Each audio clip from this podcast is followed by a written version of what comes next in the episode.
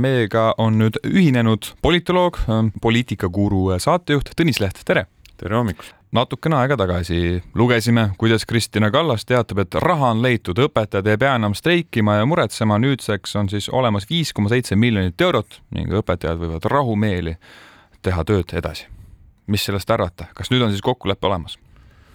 no päriselt ju veel ikkagi kokkulepet ei ole, et seda peab siiski valitsus tervikuna heaks kiitma, et ja siis ka haridustöötajad, et ma ei märganud veel nendes teadetes kinnitust rahandus- või peaministri poolt, ehk siis Reformierakond peab ka selle kompromissiga nagu paati tulema. aga milleks siis haridus- ja teadusministril Kristina Kallasel selline teade meediasse lekitada? no seda võib-olla ei olegi vaja lekitamiseks tingimata nimetada, aga eks see on Eesti kahesaja ja, ja ka sotside nagu soov olnud, et õpetajatele mingi maa peale nende rahalises palganõudes ka ikkagi vastu tulla ja see on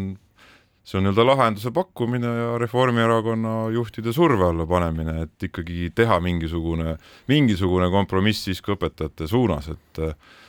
ja noh, mulle tundub, et kui, kui valitsusel, mis tervikuna ja kui valitsus tervikuna suudab toimida, siis siis mingisugune selline kompromiss oleks nagu mõistlik, et see ei ole ka nagu kogu rahapoti andmine, kui vaadata Reformierakonna vaatest, et see on siiski kümne miljoni asemel törtsu vähem äh, raha eraldamine, nii et noh, teatud niisuguse hea tahte näitena ja tulevasi läbirääkimisi silmas pidades, kui on soov ikkagi teha päriselt haridusreforme, siis siis oleks iseenesest hea, kui, kui ka õpetajad tuleks sinna laua taha natukene parema meeleoluga. Enne kui me jõuame selle eilse päeva äh, super, poliitika staarini, võib ka nii öelda, siis ähm, korraks veel selline hinnanguline küsimus, et äh, kogu see õpetajate streik ja need kokkulepped, mida ei ole ju tükk aega saadud, siis kui kehv see koalitsiooni tervis kogu selle õpetajate streigi taustal tegelikult olnud on, mida me võime oletada? no kogu selle vaidluse jooksul ju tegelikult või arutelude jooksul on kõik koalitsiooni osapooled rõhutanud, et see ei lõhu nagu päriselt koalitsiooni ära ja nii Eesti kakssada kui sotsid, kes on, kes on seda lisaraha siis äh, õpetajatele nii-öelda taotlenud, on, on ka eriti seejuures rõhutanud, et äh, et koalitsioon ikkagi toimib, noh, alles nüüd viimases otsas on tulnud need noodid, et kui me siin kokku ei lepi, et siis me tegelikult ei suuda ka tulevasi siis neid nii-öelda väga palju suuremaid äh, eelarvemiinuse küsimusi kokku leppida, ehk et ma ütleks nii, et ei, see ei ole tõsiselt äh, ähvardanud koalitsiooni lõhkuda kas ei, minul on küll just tundunud nii, et äh, tegelikult on hirmus kõhuvalu neil seal ja siis on, suudetakse manada kuidagi niisugune naeratav nägu, kõik on okei okay,, kõik teised võimalikud koalitsioonipartnerid, ärge te üldse hakake lootma, aga noh, tegelikult kõik need pealkirjad ja ütlemised, Lauri Läänemets on ju eriti hoogu läinud, võiks ka niimoodi absoluutselt. öelda. absoluutselt, reiting tõuseb ja, ja sellest enesekindlust on jube palju tekkinud kindlasti see reitingu tõus sotse ja Läänemetsa nende eesotsas on inspireerinud olema jah, julgem ja sest et nad, nad näevad, et see, et see mingil määral ju ka töötab, et, et nende retoorika võib-olla on ka ikkagi mingil määral kaasa aidanud, et lisaks siis keskkonnas toimuvatele kiiretele muutust, muutustele, et, et sotsid on niimoodi tõusuteele, tõusuteele liikunud, aga noh, õpetajate streigi teema on küll ühiskonnas palju vastukaja leidev, omajagu valus teema,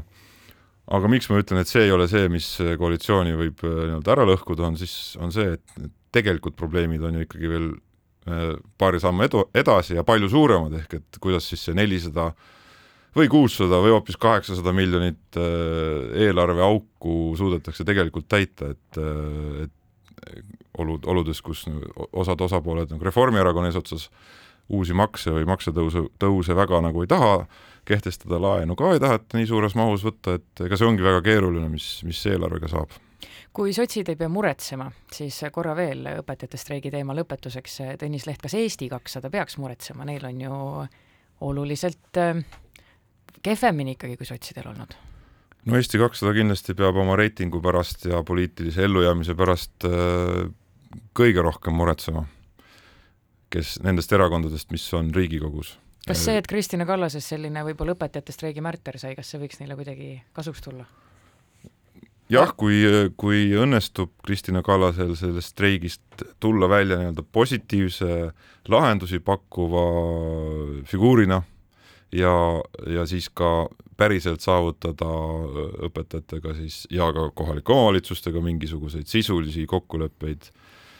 kuidas siis hariduse nagu neid tegelikke probleeme reformima hakata, et siis tegelikult see võib noh, teda personaalselt Eesti kahtesadat ka aidata, aga noh, nad ikkagi on,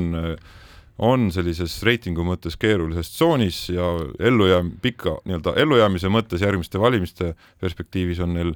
on neil riskid ju isegi suuremad kui, kui nüüd kolinal kukkunud Keskerakonnal. eks see tänane pressiteade Kristina Kallaselt ilmselt on üks katse, kuidas enda rolli selles mängus äh, paremaks muuta. sain ka just kinnituse, et Kristina Kallas on meil telefoniga otseühenduses siis noh, kaheksa null kuus, null seitse ehk siis äh, saame ka haridusministrilt endalt küsida, et mis edasi saab. aga ma tahtsin natukene rääkida riigieelarve strateegia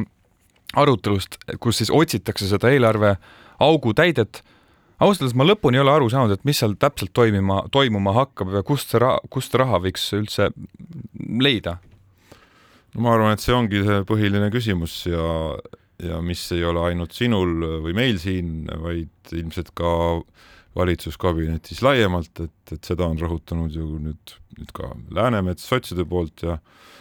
ja ehk ka Eesti kakssada, et tegelikult ju oodatakse rahandusminister Võrklaeva siis sellist plaani, ettepanekut, eks avang peab ikkagi tulema Reformierakonna ja Võrklaeva poolt, et kuidas siis hakata seda äh, suurt äh, auku täitma, et äh, ja see saab olema väga keeruline, et ma arvan, et mingeid nii-öelda siduvaid kokkuleppeid nüüd kiiresti ei tule ja, ja ja ega palju, palju variante ei ole ju, uued maksud või vanade maksude tõstmine, äh, siis kärped, mida on kõige rohkem promonud Reformierakond, aga noh, sellises mahus kärpida on nagu ülikeeruline, peaaegu võimatu ja siis muidugi ka täiendav laenamine kuivõrd tõenäoline on, et Reformierakond, kes on rääkinud ju aastaid eelarve tasakaalust, rahaasjad tuleb korda ajada, nüüd võtab veel laenu, veel? no aga ei no see on lõppkokkuvõttes paratamatu, et see miinus on nii suur, et me ju võtamegi laenu ja, ja võtame seda ka edaspidi ja, ja jäämegi võtma. ehk et selleks, et riik saaks toimida, see peab igal juhul toimuma, see laenu võtmine, aga eks siis Reformierakond üritab seda hoida nagu võimalikult väiksena, aga noh, reaalne olukord on see, et ega me sellest, sellest ei pääse kas äh, Jüri Ratase eilne teade, kas te teadsite seda politoloogina juba klaaskuulilt ette öelda, et ta Isamaaga liitub? no seda, et Jüri Ratas lahkub, see oli selge ju päris jupp aega juba, et sellisel äh, kujul selliste sõnavõttudega ja tegevusega jääda edasi Keskerakonda ei olnud tal sisuliselt mõtet ega võimalik. ja eriti pärast seda, kui rida kamraade juba on läinud, eks ole, viimati siis sotsidesse aga seda, et, et ta liitub just Isamaaga, seda,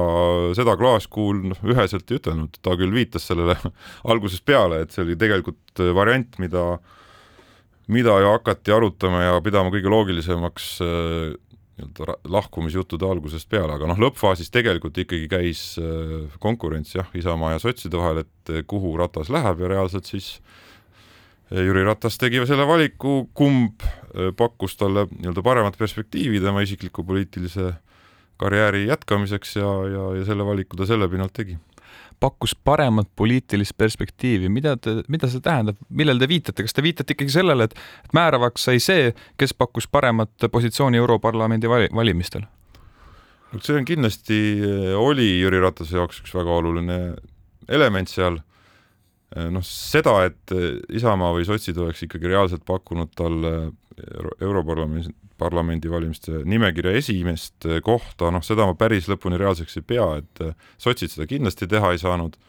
Isamaa teoreetiliselt võis ju seda teha, aga, aga pigem siiski ka mitte, sa ei saa siiski enda erakonna nii-öelda juhtliikmetele äh, tuua täiesti väljast äh,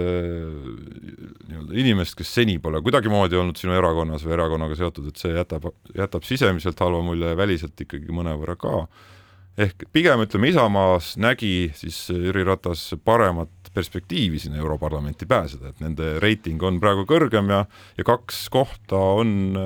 on Isamaa jaoks ikkagi, kui see konjunktuur püsib, täiesti reaalne kui palju võis mõjutada see, et, et tal on ikkagi ka vana sõber Jaanus Karilaid seal ees ootamas, kui palju niisugune asi üldse määrata võiks? samas Tanel Kiik oli ju sotsides, samuti hea sõber no.. no just, et loomulikult need inimestevahelised suhted ja läbisaamine on ka oluline. ehk et äh, antud juhul see võib-olla ei saanud siiski määravaks, et kus on Karilaid või kus on Kiik, et äh, ju ta siis leidis äh, Reinsaluga nagu uue sõbra? no mitte uue sõbra, vaid äh, vana sõbra selles mõttes, et eks nad on olnud äh, koalitsioonides koos ja sellist, kuidagi sellist ühist teineteise mõistmist on järelikult olnud piisavalt, et seal jätkata, aga noh, kordaks veel, et ju siis Isamaa Isamaas nägi Ratas seda, et seal on tal kõige paremad perspektiivid ja, ja üks faktor, mida sotsid pakkuda ei saanud, on siiski ka realistlik, suhteliselt realistlik võimalus jätkata nüüd ka Riigikogu aseesimehe positsioonil Jüri Ratase jaoks. tõsi, seal on faktoreid ja aspekte, eh, vaevalt et nüüd nii-öelda Keskerakonna selline jupike, mis on järele jäänud ja EKRE nagu tormavad Jüri Ratast toetama opositsiooni esindajana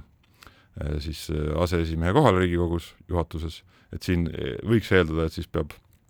mingil määral ka koalitsioon tulema appi kahjuks meil väga kaua aega ei ole, aga kui eile Jüri Ratas pressikonverentsil oma otsuse teatavaks tegi, siis nii minu kui ka paljude teiste küsimus peas ilmselt oli see, et kuidas kaks sellist meest nagu Urmas Reinsalu ja Jüri Ratas ühte erakonda ära mahuvad kas no vaatame, vaatame, et Isamaas on ju neid ekspeaministreid veel, et äh, Johan Parts äh, toimetab seal ja et äh, mingil määral vähemalt, et eks tuleb leida selles liivakastis endale erinevad nurgad ja noh, ikkagi domineerib see hetkel, kes on erakonna esimees, Reinsalu, seal on tugevad kaardid ja noh, perspektiiv on siiski see, et äh, Jüri Ratas äh, esimese hooga suundub Euroopasse ja, ja need on natuke erinevad liivakastid. no tänased pealkirjad räägivad, kuidas Ratase lahkumine on ühe ajastu lõpp Keskerakonna jaoks, olete nõus? jah noh, vaatame, mis Keskerakonnast edasi saab, mis saab Jüri Ratasest Isamaas, aitäh, Tõnis Leht, poliitikakuru saatejuht ja politoloog.